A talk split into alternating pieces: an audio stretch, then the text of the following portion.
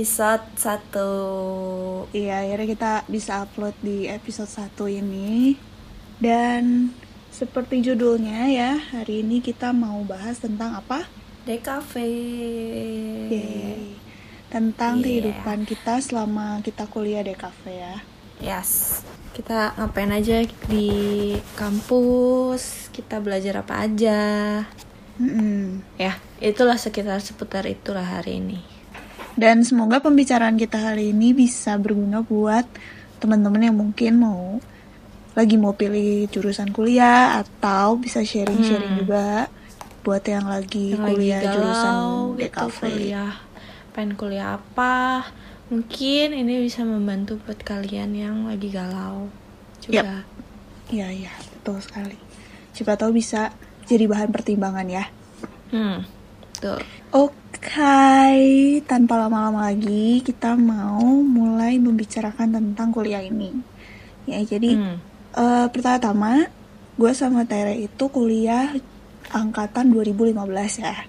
Jadi Yes, kita masuk betul. kuliah tahun 2015, terus kita lulus tahun 2019 kemarin. Hmm. Tuh. Dan kita jurusan DKV dua-duanya. Nah, ini dia kita mulai. Kenapa kita pilih DKV menjadi jurusan kita kuliah? Siapa dulu yang mau jawab? Lu dulu deh. Gue dulu. Ya. Hmm, kalau gue ya, awalnya gue tuh bingung jujur, nggak tahu mau kuliah apa dan waktu itu memang DKV nggak se-naik daun sekarang, kayak ya nggak sepopuler sekarang gitu. Lebih populer betul. jurusan ekonomi, lebih ju- lebih populer jurusan-jurusan lain gitu ya. Awalnya juga gue nggak tahu DKV itu apa dan gue cuma memikirkan bahwa gue kuliah nggak mau ada hitungan, nggak mau masuk ekonomi, walaupun gue IPS. Kalau lu kan IPA kan. Ya. Kalau gue kan, gue cuma gue cuma merasa kayaknya gue nggak mau deh kuliah eh, suruh ngitung lagi, suruh ngurusin uang lagi gitu. Jadi akhirnya setelah kita cari-cari terus ada orang kampus yang suka datang ke sekolah juga gitu ya untuk presentasi Hmm. dan akhirnya kita coba untuk minta formulir ke tempat kita kuliah waktu itu dan akhirnya waktu itu gue daftar bareng sama lo juga tuh kalau itu itulah kenapa gue pilih DKV kalau lo kenapa lo pilih DKV Kalau gue awalnya memang gue kan cita-cita nih ya. Gila. Hmm. Cita-cita gue dari SMP itu jadi desainer. Cuman karena desainer itu luas banget, Mm-mm. jadi waktu itu tuh pernah tuh ada suatu saat di mana gue diminta buat cerita untuk cita-cita gue jadi apa. Nah setelah gue cerita jadi cita-cita gue jadi desainer, ternyata guru gue nyaranin buat harus lebih spesifik lagi karena desainer itu banyak. Jadi ada desainer fashion designer, ada interior designer, ada Hmm. jadi arsitek, ada ya eh, desain grafis dan dulu tuh dibilangnya tuh desain grafis bukan DKV kan. Iya. Nah, kenapa gue pengen jadi desainer itu gue ngeliat dari cici gue. Cici gue Hmm. dulu pernah sekolah desain di Hmm. Singapura dan ternyata satu dan lain hal cici gue tidak berhasil me- eh, meluluskan studinya di Singapura Hmm. dengan jurusan desain. Mm-mm. Tapi gue jadi tertarik gitu jadi untuk ya jadi desainer lah. Nah, Oke. akhirnya ya gue jadi milih, milih, milih, milih. Proses pemilihan gue eh, pengen jadi masuk DKV itu sebelumnya ada pilihan lain sebelum gue masuk DKV. Lu ada nggak sih? Kalau lu ada nggak? Kalau gue ada sih. Dis- desain-desain yang lain gitu misalnya. Oh, enggak lah, kayaknya gue nggak Oh. cocok nih ke DKV, Eh, ke interior awalnya gitu gue mau mungkin. masuknya desain interior ya gue awalnya mau masuk Hmm. desain interior tapi enggak Hmm, kalau gue dulu waktu itu kan gue lagi milih-milih juga kan, jadi Mm-mm. banyak yang gue pertimbangin sampai akhirnya gue masuk ke DKV. Jadi sebelumnya tuh gue pengen masuk ke jurusan kriya, yang di mana itu adalah membuat eh, kayak macam-macam tanah liat gitu lah ya, kayak lu tau gak sih kriya? ya ya tau tau kayak bikin Yang yang bikin-bikin pot pokoknya banyak yang pakai tangan lah gitu ha, ha, ha. Uh-uh. Hmm, dan gue tuh ter- sebenarnya tertarik ke sana tuh karena mereka tuh kan kayak bikin kerajinan tangan kan. Mm-mm. Nah, gue tuh lebih pengen ke sana sebenarnya. Cuman kayaknya untuk ke depannya gue tidak tidak bisa menemukan arahnya gitu. Jadi kayak misalnya kerjaannya nanti ke depannya tuh ya gue cuma kayak bikin gitu doang gitu. Gue dulu gue mikirnya seperti itu. Oh, maksudnya prospek kerjanya gitu. Uh-uh, prospek kerjanya gue nggak tahu. Hmm. Nah, akhirnya gue milih DKV karena DKV ini mami papi gue eh mami gue terutama nyuruh gue udah aja ngambil DKV gitu Oke. sama cici gue juga nyuruh gue udah aja ngambil sana karena mungkin nanti ke depannya bakal bisa kepake gitu Oke. dan ada juga saran-saran dari orang lain katanya DKV itu nanti ke depannya bakal dibutuhin sama semua orang ternyata sampai sekarang benar gitu kalau gue ceritanya gitu sih Iya. kenapa akhirnya gue jadi bisa milih DKV Iya, iya. Tapi memang Gitu. benar waktu kita awal-awal kuliah, wow, wow, awal-awal masuk kuliah, itu DKV prospek kerjanya bagus banget. Jadi kayak setiap kali Mm-mm. kita dapat em, presentasi dari universitas yang emang ada jurusan DKV-nya, itu mereka selalu bilang kalau DKV itu nanti bakal dibutuhkan atau pokoknya bakal menjamur lah ya kayak ya permintaan pekerja tentang eh, di dunia DKV itu bakal meningkat gitu. Dan ya memang benar Mm-mm. gitu. Makanya sampai sekarang persaingannya pun makin ketat. Yes betul sekali. Itu dia tadi kenapa kita mau pilih DKV dan kelihatannya cara memilih lu sama cara memilih gue, gue lebih kayak dangkal banget ya kayak kesannya gue nggak mau kuliah, gue pengennya kuliah udah DKV aja gitu. Dan lo kayak kesannya tapi sebenarnya gue juga banyak. ada gitu dasar buat gue gak pengen hitung-hitungan juga. Itu gue milih itu juga sih sebenarnya. Cuman mungkin pertimbangan-pertimbangan itu yang cuman kayak apa ya sedikit dari pertimbangan gue yang lain Hmm. gitu yang tadi Ya ya. Memang sih kalau misalkan gue flashback ke SMP, gue pernah bermimpi untuk jadi arsitek, tapi karena IPA is too hard for me, I just gave up. Jadi udah gak nggak ada lagi arsitek-arsitek. I just gave up. Nah dulu juga gue kan gue nggak kan SMP tuh yang gue bilang tadi kan Mm-mm. eh, gue pengen jadi desainer. Mm-mm. Nah itu tuh guru gue suruh milih kan karena di nanti di SMA bakal ada penjurusan IPA IPS kan. Ya. Nah dari situ tuh oh iya ya kayaknya kalau misalnya harus arsitek harus masuk IPA. Mm-mm. Nah, itu juga dijadiin pertimbangan gitu loh. Makanya setelah eh, SMA gue juga masih masih ngawang ini cita-cita gue jadi desainer ini. Masih ngawang, masih nggak tahu mau ke mana gitu. Nah, akhirnya gue memilih IPA. Oke. Karena kalau gue masuk IPA, gue bisa masuk Ke mana pun. eh, gue bisa jadi arsitek, bisa masuk mana pun gitu. Kalau IPS kan kayak cuman terbatas. nah, gitu. Betul, betul. Tapi ternyata gue IPA gagal. Enggak juga, enggak juga. Kan? Enggak juga. Gue IPS karena gue menyerah IPA justru. Jadi ya sama-sama lah kurang lebih ya. Gitu. Nah itu tadi kenapa alasan kita pilih DKV dan akhirnya kita masuk DKV tahun 2015 Jadi satu Kampus. universitas di Bandung ya. Yes. Nah selanjutnya apa sih ekspektasi kita waktu pertama kali kita masuk kuliah DKV Desain Komunikasi Visual? Lu dulu deh coba. Atau mau gue dulu? Siapa dulu? Lo dulu deh coba. jujur ya ini ini ini karena gue udah punya pemikiran bahwa kuliah itu gak akan serame SMA jadi gue udah bener-bener Hmm. dari awal gue menginjakan kaki di tempat kuliah kita itu gue bersikap super dingin pada siapa pun yang gue nggak kenal dan gue nggak mau cari teman sama sekali. Kayak harus bagi kelompok buat ospek pun gue nggak ada yang misalnya gue sekelompok nih ya 10 orang terus gue nggak ada satupun orang di situ yang gue ajak ngomong. Karena gue bener-bener udah kayak ekspektasi gue tentang dunia perkuliahan itu adalah dunia yang super duper individualis gitu karena eh, di universitas yang yang lain ya maksudnya yang besar dan muridnya banyak segala macam itu mereka bener-bener ya gue lihat gitu kan dari ada kerabat gue juga yang kuliah di universitas yang besar di mana mereka punya teman eh eh, punya murid yang banyak gitu dan Hmm. mereka terkesannya kayak sangat-sangat individualis gitu. Jadi gue juga waktu gue masuk ke sana gue bener-bener gak ngajak ngobrol siapa pun. Dan ekspektasi gue adalah ya udah gue ke sana setiap hari buat absen, buat kuliah, udah gue pulang.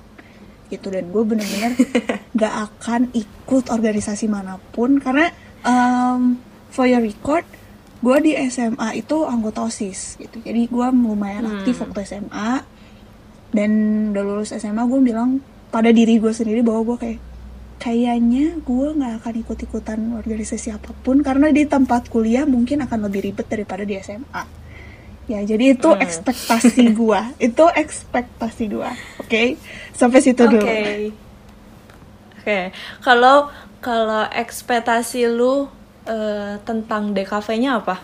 ekspektasi gue tentang DKV pertama gue mungkin gak akan survive karena gue nggak bisa menggambar sama sekali ya jadi ini perlu dicatat untuk para pendengar yang mau masuk DKV mungkin kalian juga ada yang punya pemikiran sama sama gue sekarang berpikir bahwa aduh gimana ya ke depannya gue nggak akan bisa survive karena gue gak bisa menggambar sama sekali. Itu yang pertama.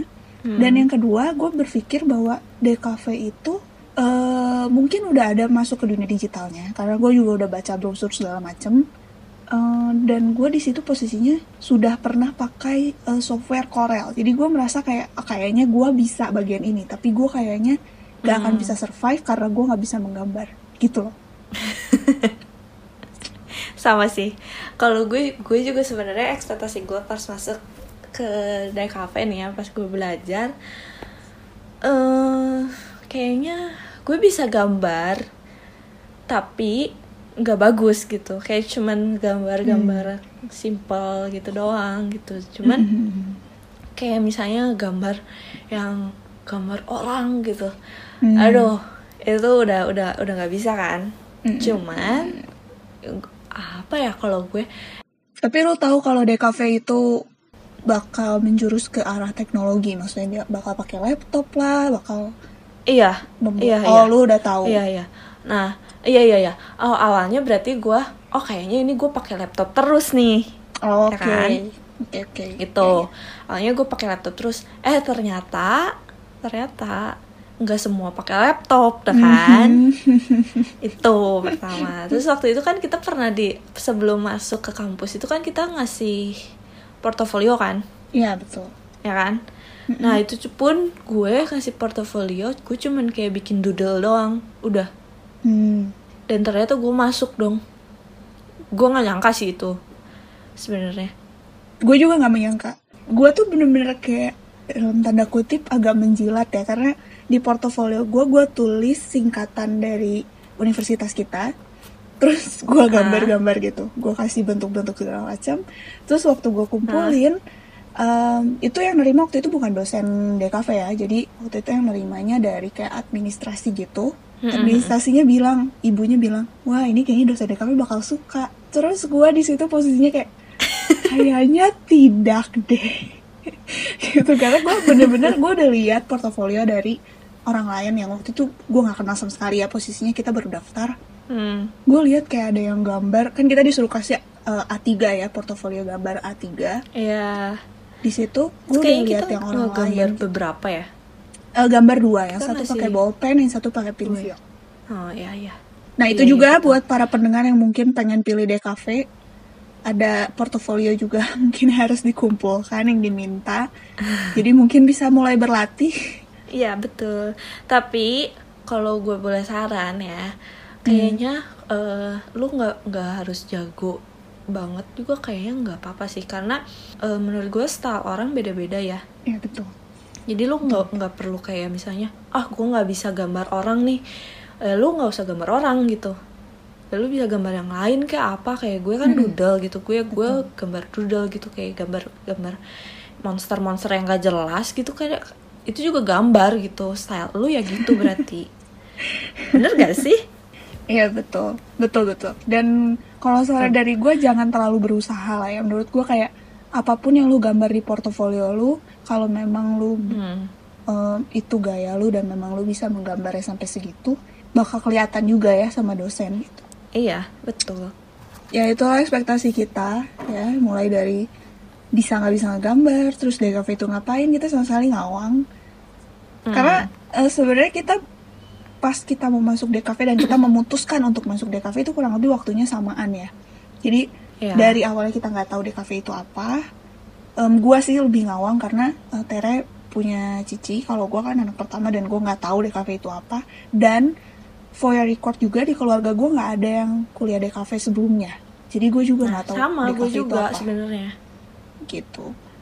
Ya, tapi lu ada cici lu yang udah kuliah desain gitu kan. Jadi lu Nah, kayak tapi kebayang oh sebenarnya sebenarnya nih ya, cici gue juga kayak nakut-nakutin gue tau gak sih? oke. Eh jang- jangan masuk sana karena cici gue juga kan gak survive gitu kan. Oke, ya ya ya ya. Nah, nah itu katanya banyak begadang katanya gitu Oh kan. iya betul banget. Nanti gak nggak tidur, tugasnya nggak beres gitu. Itu mungkin stereotip orang Ya, itu- juga ya. Ya, benar sih. Ya itu di belakang lah nanti kita ngomongin tentang bergadang dan gak bergadang Iya, iya. di belakang. Itu stereotip orang dan mungkin kalian juga nih yang mau masuk DKV atau mungkin lagi kuliah DKV juga.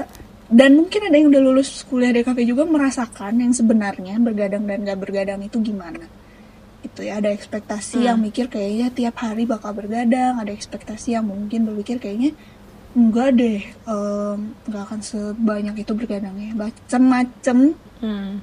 karena menurut gue pribadi ya itu gimana jadwal Gimana kita bisa manage schedule? ya betul.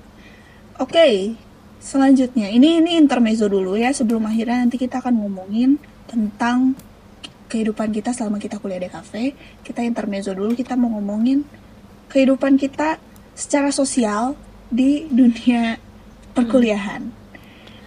Oke Em, sosial di sini bisa dimaksudkan juga ke arah organisasi juga ya gitu. Ya, betul. Hima ya kalau di kampus ya ya, kalau di kampus hima biasanya ya. Mungkin mau mulai dari lu dulu. Sebenarnya eh, awal-awalnya kan gue kayak awal dari SMA dari enggak lah jangan dari SMA dari gue kecil sampai gue SMA itu gue tidak pernah berikut organisasi di sekolah. Oke. Ya osis lah ya Mhm. yang paling ini. Ya. Osis gue nggak pernah ikutan dan gue nggak nggak pernah pengen mau ikut organisasi karena itu tuh eh, kayak ngeganggu jadwal gue ya sekolah. Dan waktu itu kan gue masuk IPA jadi gue nggak mau apa ya jam jam gue belajar itu terganggu gitu sama eh, organisasi dari eh, sekolah gitu dari osis gitu. Nah setelah gue masuk ke kampus gue ngeliat eh, ada kayak presentasinya gitu kan ya. Kayaknya gue pengen deh kayaknya masuk organisasi untuk sekarang karena kayaknya gue butuh berorganisasi berorganisasi gitu untuk sekarang ini. Jadi gue memutuskan untuk Hmm. ah kayaknya cobain dulu aja. Mungkin nanti ke depannya kalau misalnya gue nggak kuat gue nggak akan ikutan lagi gitu. Maksudnya. Berarti bukannya lu memang gue dari awal ikutan udah punya rencana untuk keluar gitu maksudnya bukan bukan keluar dengan di tengah-tengah gue keluar gitu tapi oh gue nggak mau terlibat terlalu banyak gitu di di dalam organisasi ini oke oke ya ya, ya. ngerti nggak Aha. Ya, ya. gitu kalau gue dan akhirnya ternyata eh, setelah semester berapa sih kita ikut organisasi eh hima Hima itu kita ikut dua periode semester, semester 3 tiga ya? sampai semester 3, 4, 5, 6 sampai 6 Ah, gue tuh pertama kan jadi anggota awalnya dari semester 3 tuh anggota ikut masuk ke divisi danus hmm. Nah terus dari situ sebenarnya gue udah udah nggak mau ikut organisasi sih sebenarnya. Eh, setelah semester 4 tuh kan masuk ke periode baru tuh. ya Nah eh, setelah periode baru itu tuh sebenarnya gue udah nggak mau ikutan nih. karena Karena kayak lu merasa nggak serak sama kerjaannya gitu? Eh meskipun gue mau masuk pun eh mau masuk lagi pun kayaknya gue bakal pindah divisi. hmm. Gue nggak mau di danus lagi gitu. oke oke. Karena eh, lumayan sulit sih mencari uang ya dengan eh, dana yang besar gitu. Ya kan? Ya ya betul gitu soalnya dana yang kita perlukan tuh nggak cuman 1-2 juta gitu kan. Kayak kita juga bikin pameran gitu dan pameran pun butuh biaya yang besar ya kan. Dan itu tuh kayak tanggungannya eh bebannya tuh berat gitu buat gue sendiri sebenarnya. Itu sih. Tapi ternyata setelah se- eh, beres periode satu periode dua ini eh, ketuanya tuh temen gue temen deket gue. Jadi gue kayak terjebak gitu loh di situ ya. Ya ketuanya teman dekat kita berdua. Dan kita kita merasa harus ada di sana untuk dia gitu. Ya dan kan itu tuh sebenarnya di interview lagi kan? Ya betul. Jadi gue nggak mau masuk ke danus lagi sebenarnya. Cuman dia ngotot. Gue pengen eh, harus gue yang jadi ketua. Ya udahlah gue bilang oke kata gue gue bilang dengan dengan segala kerendahan hati gue gue bilang oke. Dan sebenarnya itu oh my god berat banget sih. Ya sebenarnya. Ya sebenarnya itu Tapi ya, lumayan berat sudah. posisinya. Karena kita udah masuk semester 5-6 di mana Hmm. em, pelajarannya juga udah lagi berat-beratnya ya. Ya, dan gue mikirin itu juga kan, gue nggak mau kayak, aduh ini jadi jadi kepikiran gitu kan. Ya gitu sih kalau gue. Kai Kalau anda gimana, Flynn? Kalau lu? kalau gua ini sebenarnya bener-bener gua lumayan ngakak di awal jadi kehidupan Iya. organisasi gua itu tidak sebatas hima sebenarnya jadi gua agak apa ya kesannya gua kayak menjilat ludah sendiri gitu loh karena di awal-awal tadi waktu cerita tentang ekspektasi gue masuk kuliah gue udah bilang kan dan gue terbilang juga ke lu sebenarnya kan kayak nggak ah gue Hmm. kuliah gue nggak akan masuk organisasi mana pun gitu karena Iya. gue merasa kuliah itu pertama individualis kalau kedua gue udah gak mau ribet sama yang namanya ngurusin organisasi karena gue udah kesannya gue sudah cukup tahu gimana cara organisasi itu bergerak gitu kan SMA gue ikutan osis terus secara SMA itu bisa gue bilang sebagai masa di mana gue lumayan em, aktif. Gue jadi ketua acara lah terus gue osis juga gitu. Terus setiap acara gue pasti ikut gitu ngapain aja gitu gue pasti ikut. Makanya begitu kuliah gue bilang mau gue gue udah nggak mau ikutan kayak gitu karena itu pasti ribet banget. Dan yang lucunya adalah baru tiga atau empat hari masuk kuliah itu gue tiba-tiba dikontak sama kakak kelas. Karena gue ikutan ini ya waktu itu gue daftar eh, masuk eh, unit kegiatan mahasiswa atau UKM fotografi. Itu waktu itu gue masuk UKM fotografi gue ditelepon eh gue dikontak sama ketua em, UKM-nya dibilang eh ini sebenarnya agak menjebak dan gue kayak gue nggak tahu gimana hal ini bekerja gitu ya. Jadi akhirnya eh gue bilang iya iya. Dan akhirnya gue diseret untuk masuk ke sebuah organisasi gitu di mana mereka lagi menga- mengadakan acara lomba fotografi buat eh, kayak semacam open house di kampus gitu. Jadi Hmm. itu organisasi pertama gue sebahkan sebelum gue masuk hima dan itu terjadi seminggu dalam seminggu gue masuk kuliah gitu ini udah ospek ya maksudnya posisinya sudah ospek jadi kita udah ospek kuliah bener-bener hari pertama kita belajar di situ hitungannya kurang lebih seminggu tiba-tiba gue udah masuk organisasi dan gue lumayan kayak dan lu juga bilang ke gue kayak katanya nggak mau masuk organisasi tapi lu udah ada acara lagi Ih, gue gue tuh kaget loh waktu itu ya. Waktu itu gue kaget banget sih. Gue bilang, hah, lu ngapain kata gue? kan karena gue nggak nggak ada di sana kan. iya iya. Gue nggak Eh, nggak lu gua nggak nggak ikut. ikutan gitu kan. Terus Ya. tiba-tiba lu terus tiba-tiba lu jadi keliling-keliling kampus gitu. Hah, lu ngapain? Kata gue dan yang lucunya adalah em, rapat pertama. Waktu rapat pertama tuh gue udah dimasukin ke grup chat buat eh, organisasi itu. Dan dan gue nggak sempet bilang ke lu gitu kan. Dan gue nggak sempet bilang ke lu kayak gue masuk organisasi apa pun gitu. Terus tiba-tiba gue Hmm. harus rapat terus lu baru nanya lu mau ke mana? Terus gue bilang rapat. Katanya lu nggak mau ikut organisasi kan udah ikut organisasi lagi. Dan gue kayak iya ini gue dijebak. Udah sedih banget. Dan akhirnya dari situ gue mulai kayak merasa bahwa oh kayaknya lingkungan kuliah itu tidak seburuk yang gue ekspektasikan gitu. Bahwa Hmm. em, orang-orang di sini masih bisa bersosialisasi nggak terlalu egois dan gak seindividualistis yang gue pikir maka dari itu akhirnya gue ber, berniat lah ya untuk masuk hima Hmm. mungkin dengan gue masuk hima itu orang nggak aneh sih ya terutama lo mungkin nggak aneh gitu karena ya gue udah punya sejarah gue masuk organisasi di sekolah gitu Hmm. ya lumayan aktif orangnya jadi eh, masuk hima mungkin bukan sesuatu hal yang aneh menurut gue gitu tapi karena lingkungannya mendukung dan kampus kita nggak terlalu besar ya jadi muridnya itu Iya. nggak terlalu banyak gitu. Jadi bisa dibilang kita lumayan kenal sama lingkungan perkuliahan kita sendiri gitu jurusan kita terutama. Begitu kita begitu gue masuk hima gue merasa kayak it's fine itu it's totally fine gitu. Ditambah waktu kuliah waktu SMA pun gue sering banget keluar kelas gitu. Gue sering banget miss kelas sering banget di spend. Jadi untuk kayak begitu gue masuk hima di kuliah gue merasa kayak ya ini fine fine aja gitu gue nggak masuk Hmm. kelas itu untuk hima itu kayak fine fine aja gitu dan Tapi posisi kita gue jarang banget gak sih? Jarang banget gak sih kita ke- nggak keluar kelas? ya jarang, sih Jarang loh.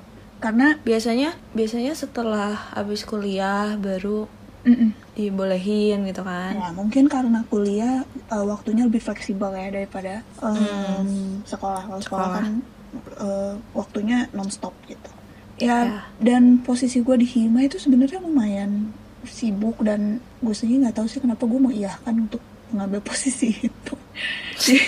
gue jadi sekretaris Hima teman-teman semua selama dua periode. Dan itu lumayan lumayan sakit kepala juga loh ya. Tapi ya it happened. Um, gue juga gak tahu gimana. Itu mungkin kalau lu punya cerita gitu kan dibaliknya kayak gue dipaksa untuk ini gue dipaksa untuk itu. Dan gue merasa kayak kayaknya waktu awal gue masuk hima gue tidak eh, berkomitmen untuk ini. Gue tidak apa ya gue tidak yakin gue bisa gitu. Tapi kita lewati dua periode itu dan gue jadi sekretaris dua Iya. kali dua kalinya. Dan ya Sama, sudahlah sama. ya begitu ya lah. gue terjebak ya itu ya. Yang periode kedua itu gue terjebak benar-benar terjebak. Karena gue nggak enak kan maksudnya itu temen temen kita gitu kan. Iya. Terus gue nggak enak gitu. Soalnya eh memang sebenarnya pada saat itu posisi untuk jadi ketua danus tuh dia nggak ada nggak nggak ada sama sekali. Nggak ada pilihan ya? Dan anggota ya dan anggotanya pun dikit kayak cuman yang masuk cuman lima lu bayangin aja. Lima orang disuruh nyari duit yang berjuta-juta gitu kan. Ya betul betul. Ya begitulah. Memang. Dan ya itu pokoknya benar-benar di periode kedua itu lebih banyak cerita ketimbang di periode pertama ya. Karena itu periode di mana Mm-mm. kita mulai merasakan bahwa berorganisasi itu sesuatu banget gitu kayak bikin acara. Kita karena di periode kedua eh, layaknya osis lah. Mungkin kalau teman-teman semua yang eh, teman-teman pendengar semua pernah masuk osis ada osis mungkin periode pertama di mana kalian jadi yang juniornya terus ada periode kedua di mana kalian jadi seniornya dan kalian bakal banyak kayak ngehandle acara tuh jadi kayak ketuanya segala macam. Nah itu yang kita rasain di periode kedua. Gitu. Yes Tapi so far so good ya. periode kedua itu bebannya lebih berat lagi ya daripada periode pertama. Iya betul. Karena di periode pertama mungkin kita lebih banyak bergantung sama senior ya. Ya Oke. Em, itu tadi kehidupan organisasi kita. Selanjutnya adalah kita mau mulai cerita tentang kehidupan kita apa aja yang dipelajari mungkin sama anak DKV dari semester 1 sampai nanti kita TA dan eh, beres kuliah gitu. ya Kita ini bukan menjawab pertanyaan ya, jadi kita banyak cerita aja di sini kita sharing-sharing. Oke. Awalnya mulai dari jadi awal semester 1 ya Ya, semester 1. Buat kalian yang punya ekspektasi 1 bahwa DKV itu harus bisa menggambar, di semester 1 sebenarnya kita diajarin dari dasar banget ya, cara Hmm. menggambar gitu. Jadi dari awalnya gue takut, bener-bener takut karena dikiranya gue harus udah jago gambar. Ternyata diajarin dari Iya. nol ya, kita diajarin dari nol banget. Hmm. Dari mulai bikin garis, bayangin dari mulai bikin garis. Iya betul. Terus bikin gradasi Ya, pakai pensil. iya. Itu gua bete setengah mati. Bener. Gila, itu tugas tugas yang bikin gue nggak tidur selama satu hari tugas gradasi itu yang Oh, pakai iya. pensil ingat Iya, gak? iya. Itu betul. Itu tugas Nggak tidur sama- kali sama gua- sekali. Gue bergadang. Iya, iya betul betul. Iya. Terus udah gitu pas dikumpulin ternyata gak dinilai dong sama sekali. Oh my god. Betul. Gila gue gondok setengah mati dong. Betul. Itu yang lucunya adalah gini, kita eh, begadang dan mata kuliah itu ada di hari Jumat atau Kamis gitu kalau nggak salah. Dan di hari itu kita ada sebelum kita masuk ke mata kuliah itu kita ada kuliah pagi jam 6 pagi kalau nggak salah. Agama.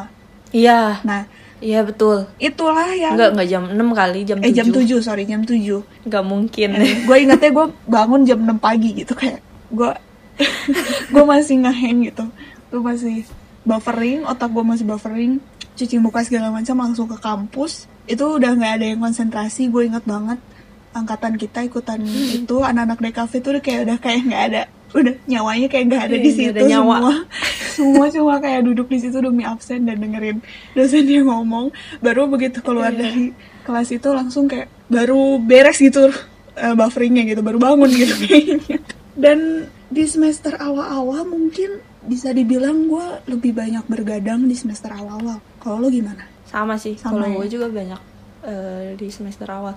Karena kayaknya kalau di semester awal kayaknya kita kan baru beradaptasi gitu. Jadi kita nggak tahu tugasnya bakal kayak gimana. ya Terus banyak juga tugas-tugas kelompok gitu kan. Ya, dan eh, ini mungkin buat Jadi- yang mau masuk DKV juga di semester awal-awal tuh kalian banyak begadang, kita banyak begadang itu mungkin karena kita lebih banyak pakai tubuh ya, lebih banyak pakai fisik gitu. Tugas-tugasnya tuh Hmm. semua belum ada yang pakai komputer, kita belum belum Ya. belum nyentuh-nyentuh Masih komputer. manual Iya, semuanya. semua masih manual, semua masih pakai tangan, menggambar pakai tangan gitu. Eh, Ngecat pakai tangan ya, Iya. ngecat pakai tangan. Iya betul gitu. Jadi nggak ada yang pakai paint tool gitu ya di laptop nggak ada Nggak gitu ada. ya. Tuh. Dan itulah em, mungkin yang menjadikan ekspektasi kalian jadi nyata bahwa kehidupan DKV itu Hmm. begadang terus-terusan. Tapi Ya, setelah kita jalanin ke semester atas-atas, kalau gue pribadi sih lebih kayak nggak terlalu banyak begadang ya. Nggak tahu coba kalau eh, iya sih. Kalau gue ada sih begadangnya, cuman kayaknya nggak sampai nggak tidur setiap gitu. hari. Oke. gue. Tapi kayaknya kayaknya ada sih sekali dua kali. Cuman itu tuh di kayak jela eh, apa kayak misalnya di semester 3 sampai semester 8 gitu kayak udah aja gitu eh, begadangnya kayak nggak tidurnya tuh kayak cuman sekali dua kali gitu kalau misalnya di semester awal kan satu dua tuh begadang tuh kayaknya bisa gitu lima kali gitu Iya. berapa kali gitu Iya betul kan? banget, betul banget. Eh, di semester awal-awal tuh itu tadi yang gue bilang kita banyak pakai badan ya, kita banyak pakai fisik gitu. Eh, Mm-mm. Banyak ngerjain hal tuh harus sabar karena kita harus nunggu cat sampai kering, kita harus em, kerjain sesuatu hal tuh rapi gitu kan. hmm. Belum lagi kerja kelompok di mana itu kita, kita, harus kalau misalnya nggak nggak rapi tuh karya kita disobek ya Iya. Kalau dulu Gila. kita masih ada kayak gitu ya. Kita dulu masih ada sedih kayak banget. Kalau sekarang mungkin karena perbedaan budaya, terus perbedaan cara ngajar juga, eh, kayaknya udah jarang ya kalian disobek-sobek gitu. Lebih kayak kasih peringatan lah kayak gitu-gitu ya. Jadi hmm. waktu kita kuliah kita merasakan kayak gitu dan akhirnya kita introspeksi diri bahwa oh ya kita tuh harus ngerjain sesuatu tuh rapih, kita harus ngerjain sesuatu tuh pelan-pelan tapi pasti gitu. Makanya mungkin di semester 1 sama 2 kita banyak banyak banget begadang dan Hmm. di semester 2 kita udah mulai pegang komputer ya. Satu mata kuliah kalau nggak salah. Yang Iya, di lupa sih. kom, yang di Yang lab mana? kom itu. Oh, iya tapi itu kayak cuman eh, ngedit-ngedit apa ya? Ya, kayak kita Foto baru ya? di ya kita Iya, baru jadinya. diperkenalkan lah ya sama yang namanya Hmm. em, software-software yang nanti mungkin akan kita pakai ke depannya. Gitu. Iya. Ini ini sebenarnya apa yang kita alamin di universitas kita di Bandung ya. Mungkin buat universitas-universitas lain yang punya jurusan DKV mungkin punya kurikulum juga yang berbeda gitu ya. Mm-mm. Jadi Pasti beda sih kalau ka- menurut gue. ya, Tapi gambaran besarnya seperti itu gitu. ya, Mungkin sepertinya seperti itu. ya, mungkin gambaran besarnya sama lah. Kita pasti diajarin semua dari dasar dulu baru setelah itu kita masuk ke yang namanya bener-bener desain komunikasi visual gitu di situ di semester Hmm. 3 ya kalau nggak salah kita baru Tiga. dapet pelajaran bener-bener DKV-nya tuh di Hmm. eh, semester 3 Dan sebenarnya di semester 2 tuh kita udah diajarin fotografi kan, udah megang kamera gitu. Iya iya. Pokoknya semester 1 itu full kita pakai eh, fisik aja, maksudnya masih pakai tangan. Semester 2 itu kayak peralihan sampai ke semester 3 juga masih ada pakai tangannya juga. Jadi masih peralihan gitu, masih ada gambar-gambar, tapi kita juga udah harus pakai software gitu. Kita udah harus kenal Hmm. cara pakai software gitu. Dan menurut gue yang bener-bener full software itu semester 5 atau 6, bener gak sih? Iya. yang kita udah nggak ada lagi lima ke pakai atas tangan tangan ya semester lima ke atas Sebenarnya ada kita- pakai tangan, tapi kayak cuman sketsa doang kan. Iya, dan- ini ini ini Sketsa-sketsa mungkin ya mungkin ini peringatan juga ya menjadi eh masuk DKV dan lulus DKV itu gak bisa gambar itu menurut gua bukan hal yang harus di lu merasa malu gitu dengan itu jangan gitu tapi harus diingat. Hmm. bahwa pekerjaan kita sebagai DKV itu membutuhkan skill itu gitu loh kita Iya. tetap harus bisa nge-sketsa kita tetap harus bisa um, minimal menggambar sedikit-sedikit pakai tangan gitu gak harus bagus 100% gak harus kayak mirip gitu tapi menurut gue skill menggambar itu dibutuhkan di DKV gitu tapi ya lu nggak Iya, harus Tuh. menggambar sampai kayak Leonardo da Vinci sih gitu ya nggak nggak harus sampai kayak gitu Iya, enggak sih. gitu Enggak, enggak, enggak perlu kayak kayak gitu lah. Itu itu mungkin kalau yang misalnya eh, artis itu. Ya, kalau artis-artis yang suka gambar gitu yang memang memang mungkin cita-citanya buat ngegambar gitu jadi ilustrator atau apa mungkin but ya butuh yang seperti itu ya. Cuman kalau misalnya mungkin kalau jurusannya kita-kita seni murni yang harus ya. cuman ya betul. Intinya begitulah ya. Karena sampai semester akhir pun kita tetap harus bisa nge-sketsa. Bener gak sih? Iya dan itu tuh terus dicek ya sama Tuh. dosen kita ya sketsa sketsa kita tuh Iya, iya. Jadi eh, menurut gue sih bukan berarti kita nggak ngegambar itu nggak apa-apa, tapi menurut gue nggak ngegambar dengan baik itu nggak apa-apa, asal kita masih bisa nge-sketsa. Karena jujur gue juga Hmm. bodoh banget sih dalam menggambar, gue tuh jelek banget. Gak bisa gue ngegambar sesuatu hal tuh mirip gitu sama apa yang gue lihat gitu. Kayak misalkan gue harus ngegambar boneka beruang gitu ih gue nggak bisa gitu gambar boneka beruang itu mirip 100% sama apa yang gue lihat gitu. Gue pasti cuma ngegambar kayak bulat terus ada telinganya terus ada matanya ada hidungnya udah gitu. Tapi yang penting kayak gambar gue bisa menjelaskan kayak gitu. anak kecil gitu kan kita gambar tuh iya sebenarnya tapi minimal orang bisa ngerti lah sama gambar kita gitu. Gak harus kok kita gambar Hmm. harus sampai bagus gitu gak harus gitu. Jadi kalau misalkan ada yang nakut-nakutin kalian bahwa DKV itu harus bisa menggambar please jangan didengerin ya. Harus menggambar sampai bagus itu Hmm. please jangan didengerin. Enggak juga. Karena buktinya gue survive gue nggak bisa menggambar. Gue lulus juga tahun kemarin 2019 ya. Dengan skill menggambar gue yang pas-pasan gue lulus. Gitu ya. Jadi nggak melulu tentang itu. Dan sebenarnya em, apa yang kita pelajari yang benar-benar menjadi apa ya menjadi pola pikir DKV itu dibentuk di semester 5 ke atas ya. Di mana kita mulai bikin konsep. Sebenarnya dari semester kayaknya semester 4 juga udah udah mulai sih. Semester oh ya ya ya ya betul, betul. Ya. semester, 4 ke empat atas. kayaknya udah mulai deh. Karena kita udah Um, belajar tentang DKV-nya kan? ya betul betul. Kita udah diasah untuk punya pola pikir sebagai seorang desainer grafis tapi lebih berat ke arah konsep ya? Iya betul. Karena eksekusi itu apa yang kita percaya eksekusi itu software aja berkembang terus gitu kan. Em, apa yang kita pakai skill itu bisa dipelajari gitu. Tapi konsep atau pemikiran kita ilmu yang kita pakai itu yang gak bisa diadaptasi sama orang Ya, makanya sebenarnya kita diajarinnya tuh semua tentang konsep. Kayak misalnya skill skill kita eh, tentang eh, software-software yang kita pakai itu kita asah sendiri gitu. Kita nggak nggak nanya kita tuh sebenarnya nggak diajarin software sama dosen kita yang yang diajarin tuh kayak misalnya eh, kamu mau buat apa gitu kan Iya. Eh historinya apa ceritanya apa gitu kan yang yang mereka selalu tekenin tuh itu kan sebenarnya Iya, nggak betul. nggak kamu kamu cara bikin ini gimana pakai ini gitu enggak kan enggak enggak kayak gitu gitu malah yang Iya. yang kayak kayak gitu kita lebih nanya ke temen-temen gak sih Iya, kita lebih Kan? banyak nanya ke teman-teman, ke kakak kelas gitu. Bahkan Hmm. ke adik kelas mungkin ya. Kayak Iya. kita lebih banyak sharing tentang software gitu. Hmm, mungkin kalau misalnya yang benar-benar nanya tuh yang emang beneran kita sama teman-teman kita juga nggak tahu gitu itu Mm-mm. fungsinya buat apa gitu Tapi dan itu Gitu pun sih. bukan kita tanya di kelas ya. Kayak kesannya kita lebih waktu lagi gak kelas, kita ngobrol sama dosen, Hmm. baru kita nanya kayak software ini tuh fungsinya apa sih gitu. Apakah ada software Iya. lain yang bisa kita pakai mungkin kayak gitu-gitu. Hmm.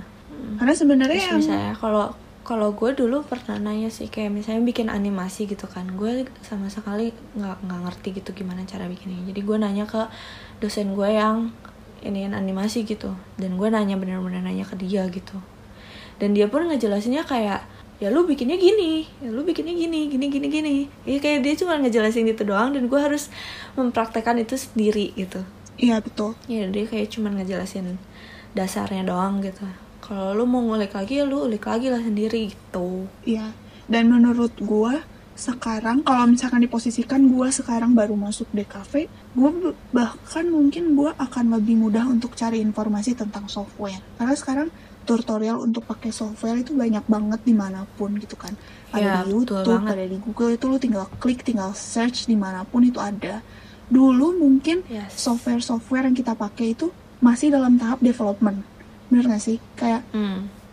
Um, contohnya Adobe Illustrator itu mas perubahannya lagi cepet banget gitu update-nya lagi cepet banget dari CS Iya. 5 CS 6 CS CC gitu itu cepet banget berubahnya waktu kita lagi kuliah atas-atas gitu di mana udah kayak Ya, udah Baru semester belajar C- kita.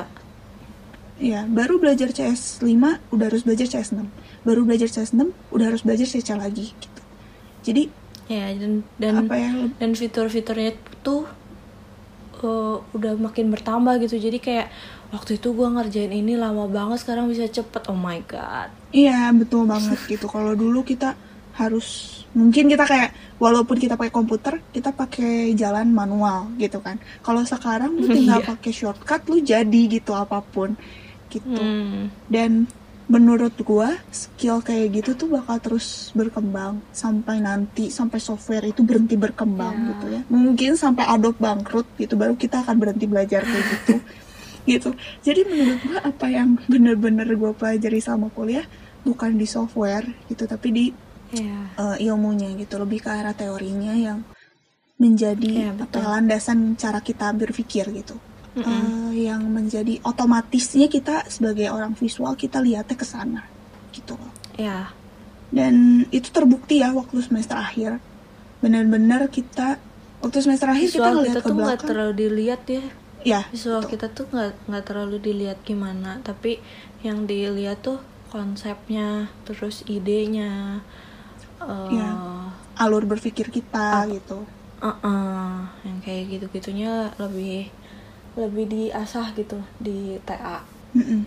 dibanding visualnya soalnya kalau visual kita cuma dikasih waktu dikit banget ya sebenarnya Ya, kita lebih banyak di brainstorming waktu kita tugas akhir tuh kita lebih banyak di brainstorming konsep. Terus kayak konsep tuh bisa ganti berapa kali gitu karena dosen pengennya kita punya pemikiran Hmm. yang seperti ini, seperti itu gitu. Cara cara kita mengolah data, cara kita memecahkan masalah itu di-trigger sedemikian rupa supaya kita melihat itu dari sudut pandang visual. ya dan gue hampir nggak lulus tahu itu TA my god Coba sedih banget Kita sudah sampai di semester akhir. Coba diceritakan apa kesan-pesan semester akhir Anda. Ah, jadi waktu itu tuh per, eh, bikin topik dulu kan, awalnya Mm-mm. bikin judul. Nah, gue tuh awal tuh bikin tentang pengen nge-rebranding karena gue pengen nge-rebranding gitu suatu produk atau eh, apa pun lah gitu.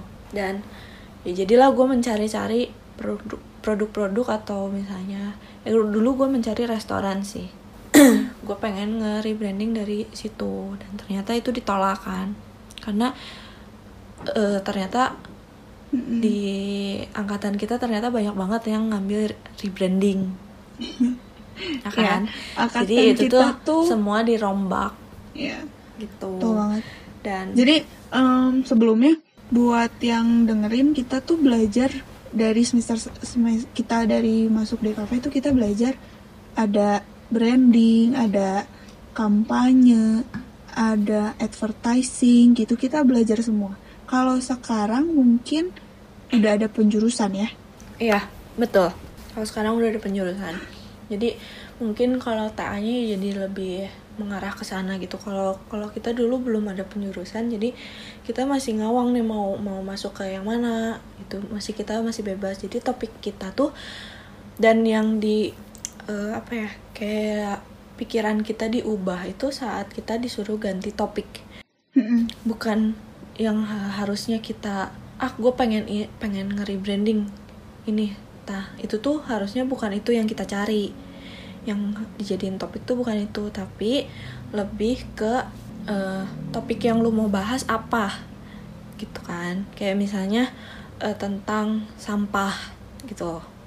Tentang sampah. Nah judul yang lu pengen tuh apa? Dari situ baru lu kembangin ke misalnya oh ini bisa dijadiin inovasi ini bisa dijadiin branding ini bisa dijadiin skripsi gitu. Jadi di kita tuh ada tiga nanti TA nya di diminta pilih. Jadi ada skripsi Ya. eh inovasi sama sama apa sih terakhir? Bukan branding. Aduh gue lupa lagi karya. apa eh. Karya desain. Ya karya desain. Iya karya desain, karya desain. hmm, tuh Iya, memang eh, waktu awal-awal kita masuk ke tugas akhir mungkin yang ada di otak kita adalah hasil akhir ya. Makanya begitu disuruh pilih topik kita kebayangnya kayak gue pengen hasil akhirnya hasil akhirnya kayak gini. gitu. Padahal pola pikir kayak gitu kebalik gitu. Harusnya kita berpikir dulu apa topik yang mau kita angkat dan dari situ baru kita bisa cabangin. Oh kita bisa mengapakan topik ini gitu. Bukan mikirin kayak Iya, gua betul. mau rebranding atau gua mau kampanye dan di situ baru kita cari topik gitu untuk kita kampanyekan. Itu itu pola pikir yang menurut kita Iya. waktu itu benar padahal salah gitu. Benar gak sih? Ya ya betul. Tuh kayaknya dari situ gue langsung berpikir oh kayaknya ada topik yang bagus nih tentang Nusantara Nusantara Indonesia bener loh gue waktu itu mikirnya ah kayaknya kalau Indonesia kayaknya lebih gampang. Oh my god ternyata tidak seperti itu. Sebenarnya TA tuh benar-benar gitu sih. Di TA tuh gue pribadi merasakan bahwa apa yang gue pikir mudah apa yang gue pikir gue bisa lakukan itu malah nggak bisa gitu loh. Malah gue merasa kayak ilmu gue Iya. tuh nggak cukup. Kayak gue merasa kuliah udah nyaris 4 tahun tuh ilmu gue ke mana kok tiba-tiba gak ada gitu pengetahuan kita tuh sempit tong aja jadinya Iya, iya. Jadi, nah ini saran juga buat kalian yang lagi kuliah mungkin, apalagi eh, DKV mungkin ya, dan mungkin juga kuliah-kuliah yang gak harus nyatet buku, lebih banyak ke praktek. Gue saranin kalian harus cari juga pengetahuan tentang buku gitu, maksudnya pengetahuan di buku, baca-baca gitu. Menurut gue itu penting banget dan bukan cuma lihat di eh, masuk kelas terus dengerin dosen ngomong terus lu nyatet gitu mata kuliah teori misalkan. Menurut gue itu sama sekali nggak cukup teman-teman semua. Karena ya ya kita ngerasain gitu. Begitu kita tugas akhir di situ gue baru ngerasa bahwa kok ilmu gue kayak nggak cukup ya buat ngerjain tugas akhir gue gitu bahkan gue sampai minjem buku ke dosen gue gue sampai nyari buku ke perpustakaan itu pertama kalinya loh gue Iya, ke iya. perpustakaan kampus untuk cari buku Ih, sama. Sama gue Dan- juga. Itu pertama kalinya anak DKV masuk ke perpus tuh saat itu. Ya nggak betul sih? banget, betul banget. Kebanyakan anak DKV masuk perpustakaan itu justru waktu mau tugas akhir atau skripsi atau seminar ya, baru mereka masuk Iya, betul. perpustakaan untuk cari referensi. Dan menurut gue itu sesuatu Hmm. yang eh, mau nggak mau itu terjadi, tapi menurut gue mungkin bisa dirubah dengan kebiasaan eh, kita gitu ya. Heeh. Mungkin dari semester Tapi sebenarnya- awal-awal gitu. sebenarnya menurut gue kayak kalau gue sendiri setelah eh, pola pikir gue diubah sama dosen gue masuk ke perpus buat nyari referensi-referensi topik dari yang sebelumnya udah ada yang punya kakak-kakak kelas kita itu kayak kayak nggak nggak terlalu kepake nggak sih kecuali kayak misalnya teori-teorinya Iya, iya, memang benar. kayak misalnya hasil hasil hasilnya tuh pasti ah ini mah pasti beda gak sih hasilnya nggak Iya. mungkin sama gitu Iya betul.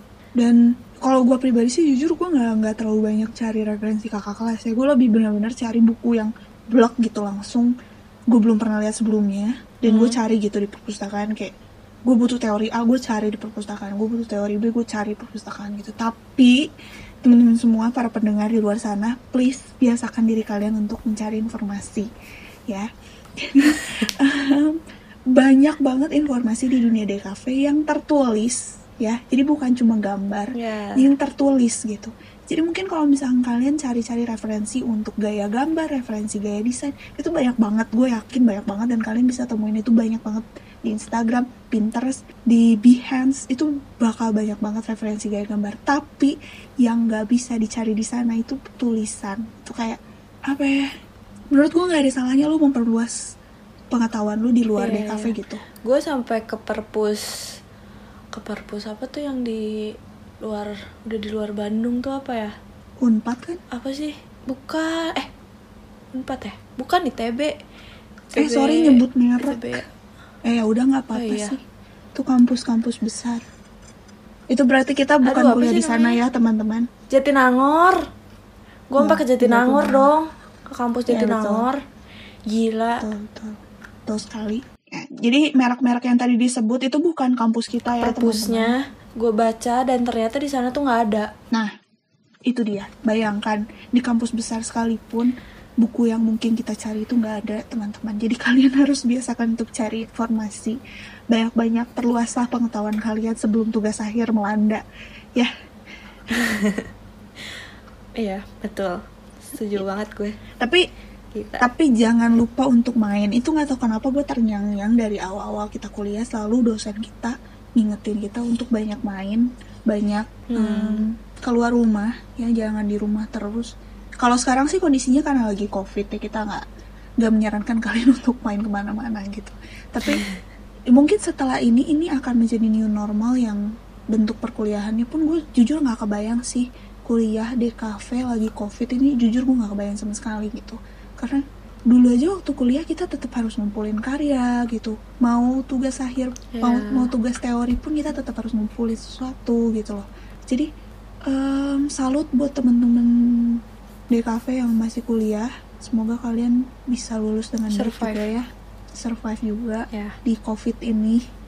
Gitu karena gue yakin sih anak-anak DKV tuh gatal banget pengen banget main pengen banget ketemu orang dan pengen banget ngerjain sesuatu. Gue yakin sih itu udah kayak sifat dasarnya anak-anak DKV gitu jadi ya eh, berharap yang terbaik aja semoga cepet selesai. Karena ini udah mau semester baru ya udah mau. Agustus nanti ya semester baru ya. Semoga sudah bisa masuk-masuk ke kampus lagi ya jadi bisa kembali normal. Tuh. Ya betul. Semangat adik-adik. Terakhir terakhir kita mau cerita sedikit aja tentang magang. Jadi seudah kuliah itu di kampus kita eh, wajib ya untuk masuk program Ya, magang. wajib Itu kita magang. wajib untuk ya wajib magang untuk syarat kelulusan. Eh mau cerita siapa? Silahkan anda. Kayaknya cerita kita sama kali ya karena kita magang di tempat yang sama. Ya nggak sih? Cerita Iya, kita betul, ya betul. sama gitu nggak beda. Cuman ya cuman kalau gua sendiri sebenarnya sebelumnya gua nyari-nyari kan di kayak misalnya di LinkedIn di Jobstreet segala macam lah gua cari. Dan sebenarnya gue pengen tuh di eh, internship di Jakarta. Karena Iya. mungkin buat prospek kerjanya juga nanti bakal lebih oke gitu. Gue mikirnya seperti itu dulu. Hmm, cuman eh, ternyata setelah eh, ada teman-teman yang udah keterima atau mungkin ngedengar dari kakak-kakak kelas gitu gue jadi berpikir dua kali untuk internship ke Jakarta. Karena eh, internship di Jakarta internship itu belum tentu dibayar gitu. Meskipun itu perusahaan yang besar. Gue nggak tahu Hmm. kenapa cuman menurut gue sebenarnya harusnya itu tuh kita dibayar gitu. Kalau menurut gue kalau menurut tuh gimana? Kalau kalau menurut gue sih ya sepatutnya kita dibayar lah gitu. Nggak nggak nggak sampai nggak dapat apa-apa lah gitu. Ya nggak sih? Kalau kalau lu gimana? Em, mungkin itu gue salah satunya. Ya. jadi emang posisinya gue waktu itu dapat apa ya dapat balasan email dari dua perusahaan yang gue apply buat internship. Hmm. gitu. Eh, yang pertama emang emang waktu itu juga kita dua-duanya memang pengen banget untuk coba intern di luar Bandung ya khususnya di Jakarta. Mm-mm. waktu itu gue apply di salah satu perusahaan yang memang gue lihat kayaknya gue bakal berkembang di sana dan kayak wah gue pengen banget kerja di sana gitu. Tapi dan kita sampai interview ke Jakarta ya waktu itu kita sampai ke inter- interview ke Jakarta bareng. Kayaknya Eh, enggak deh itu loh yang kita interview aduh yang yang gue ke daerah Jakarta Selatan itu oh iya iya iya iya gue pikir itu kerja loh gue lupa Enggak, enggak, enggak, bukan, bukan, bukan. Itu interview, jadi kita sempat interview ke Jakarta bareng. Eh, gue interview ke sebuah perusahaan di daerah Jakarta Selatan. Emang bukan perusahaan yang besar banget, tapi gue melihat kayak, ya tempat kerjanya oke lah, terus eh, apa ya kerjaannya juga bisa dibilang gue happy gitu kayaknya kalau kerja di sana. Cuman begitu gue balik Bandung dan gue dapet balasan email, eh, mereka nerima gue gitu. Mereka bilang accepted for unpaid internship gitu dan di situ baru gue berpikir Hmm. dua kali em, karena posisinya gue bukan orang kaya ya gue bukan orang yang bisa spending money banyak gitu dan gue bisa kayak ah nggak apa-apa lah gue ke Jakarta nggak nggak dibayar nggak apa-apa gue bisa bayar kosan gue gue bisa bayar makan gue nggak nggak gitu posisinya gitu jadi Hmm. dan itu tuh nggak cuman seminggu dua minggu gitu itu tuh tiga bulan kan Iya, iya betul banget.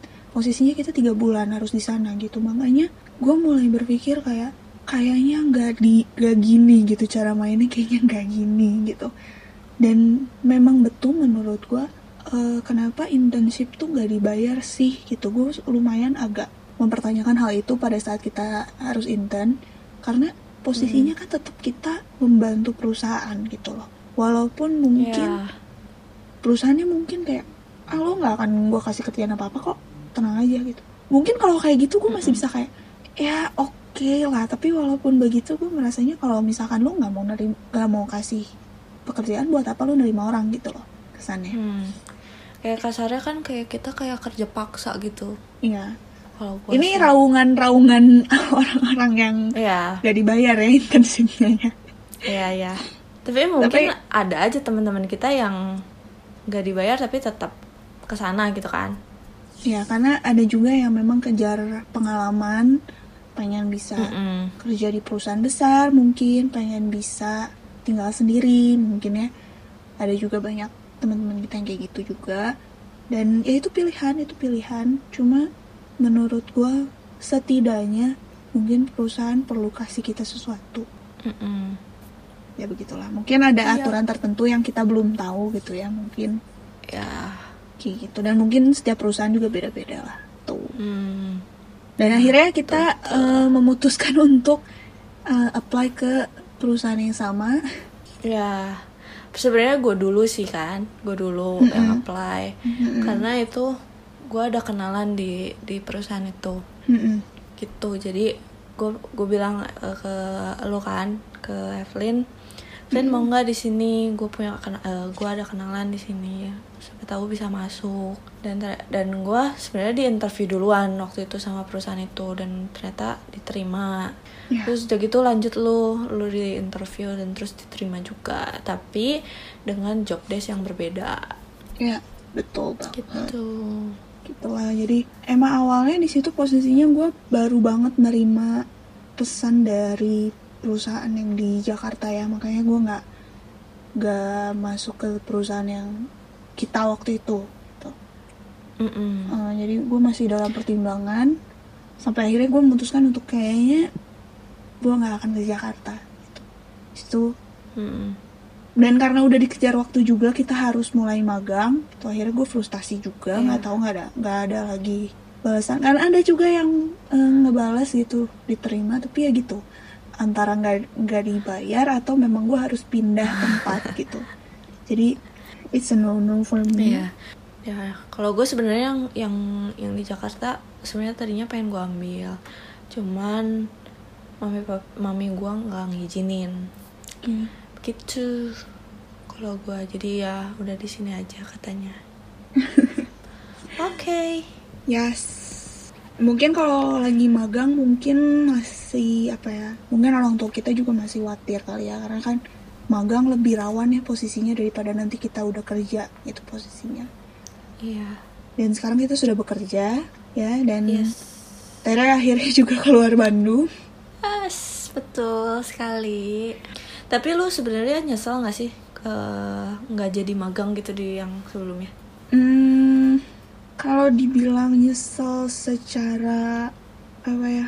Secara pengalaman lumayan. Tapi Hmm. begitu gue melihat bahwa kondisi tahun 2020 tuh kayak gini, mungkin perusahaan yang akan gue tempati waktu itu pun gak seberkembang yang gue pikir gitu. Karena perusahaannya em, bergeraknya di bidang edukasi dan traveling juga gitu. Jadi ya itu kan dua dua bidang yang sekarang terancam gitu gara-gara covid gitu kan. Jadi kalau melihat kondisi tahun ini kayak gini sih gue nggak terlalu merasa kalau gue menyesal dan jujur-jujurnya di tempat magang kita gue banyak belajar juga gitu jadi nggak terlalu menyesal lah kalau lu Hmm, Kalau gue hmm, enggak juga sih sebenarnya. Cuman mungkin pengalaman yang gue bisa dapat dari yang sebelumnya tuh lebih lebih ke kayak misalnya ke hobi ke hobi gue. oke Iya sih. Kalau yang sebelumnya gak kayak gimana? Kayaknya gue bisa mengasah hobi gue di sana. Tapi kalau misalnya gue yang masuk yang eh, tempat magang gue yang kemarin, eh, gue bisa mengasah kemampuan skill gue buat kerja. Gitu sih. ya ya betul tapi bagusnya memang jangan sampai menyesal sih gue pun ya mungkin ini juga saran ya buat yang dengerin kalau misalkan kalian memilih tempat kerja atau tempat magang saran gue Hmm. ya jangan sampailah kalian menolak sesuatu yang bakal membuat kalian menyesal gitu loh kalau memang Iya betul. kalau memang kalian mau menolak itu eh, ya pertimbangkanlah dengan baik-baik itu dengan matang-matang Iya. Ternyata keputusan yang kita eh, apa? ambil. Yang kita ambil.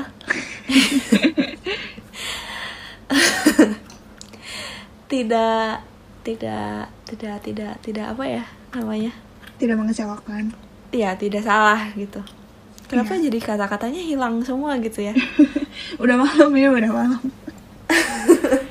Oke baiklah. Ya ya itu tadi em, gambaran yang sangat besar tentang kuliah DKV sampai kita magang ya. Gimana yes. awal mula kita masuk DKV gimana? Apa aja yang kita pelajarin di DKV lingkungan kuliahnya gimana? Gitu. sampai kita magang. Dan sekarang posisinya kita udah kerja. Apakah lo menyesal masuk DKV ini pertanyaan terakhir. Adakah hal yang mungkin lo pikir kayaknya kalau gue masuk jurusan lain gue akan lebih baik? Gitu. menyesal atau tidak? Enggak oke. Enggak enggak sama sekali. Enggak enggak sama sekali. Eh jujur ya jujur. Kalau kalau gue sendi gua sendiri gue tidak menyesal sama sekali dari awal gue masuk ke DKV karena mungkin itu yang gue seneng gitu. Karena dari awal kan gue memang seneng buat pengen jadi desainer gitu. Jadi sampai sekarang pun gue tidak menyesal gitu. Dan ternyata memang benar gue jadi desainer oke. Seperti itu. Kalau lu sendiri emang menyesal? Kalau lu menyesal? Kalau gue sebenarnya gue bukan menyesal gue kuliah di kafe ya, cuma gue menyesal gue tidak belajar lebih banyak saat gue kuliah. Karena hmm. m- mungkin ya mungkin. Karena karena sekarang gue merasakan bahwa uh, gue butuh ilmu lain dan gue merasa gue bisa menguasai ilmu lain selain DKV gitu. Tapi jujur gue nggak menyesal sama sekali masuk DKV gue merasa kayak karena di keluarga gue nggak ada yang masuk DKV gitu. Nggak ada yang kuliah desain nggak ada yang kuliah ke arah art. Jadi gue merasa kayak I'm special man. I'm so special. Jadi gue sama sekali tidak merasa gue menyesal dan gue merasa gue punya skill yang orang lain nggak punya. Ditambah lagi pola pikir yang berbeda sama orang-orang kebanyakan gitu. Karena orang visual itu lumayan unik ya orang-orangnya.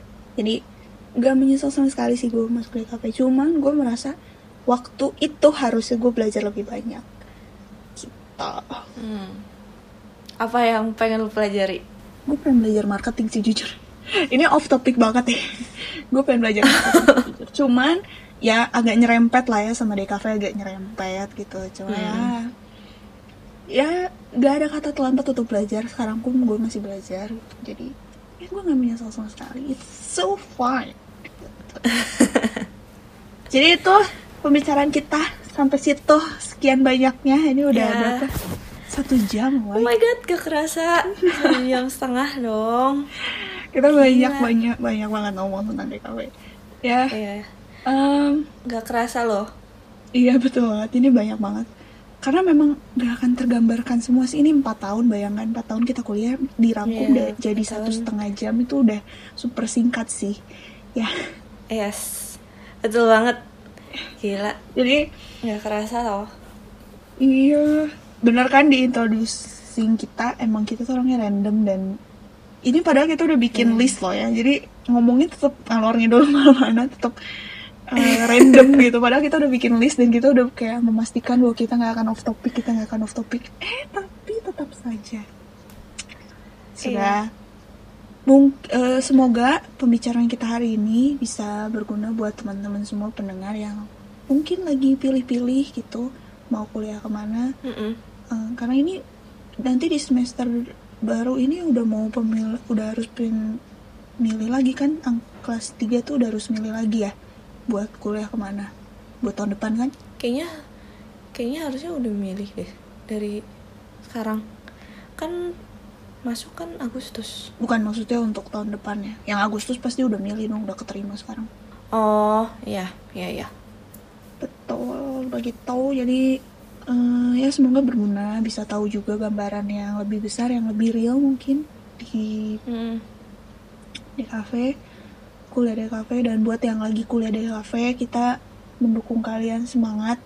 Jangan patah semangat karena kita tahu emang capek juga uh, kuliah di kafe. Tapi kalau hmm, kalian suka kalian bisa survive. Apalagi di, di tengah-tengah yeah. pandemik ini yang menurut gue lumayan struggle juga sih yang kuliah di kafe tuh. Nggak kepikir gue jujur nggak kebayang sama sekali. Uh, dan buat yang sudah bekerja juga mungkin jadi flashback mungkin ya. Kalau dulu pernah belajar apa aja terus kayak ya lumayan flashback lah. Lumayan menguatkan uh, landasan kalian sebagai desainer-desainer grafis di luar sana semoga, semoga. Oke, semoga. Ada lagi yang mau disampaikan sebelum kita akhiri?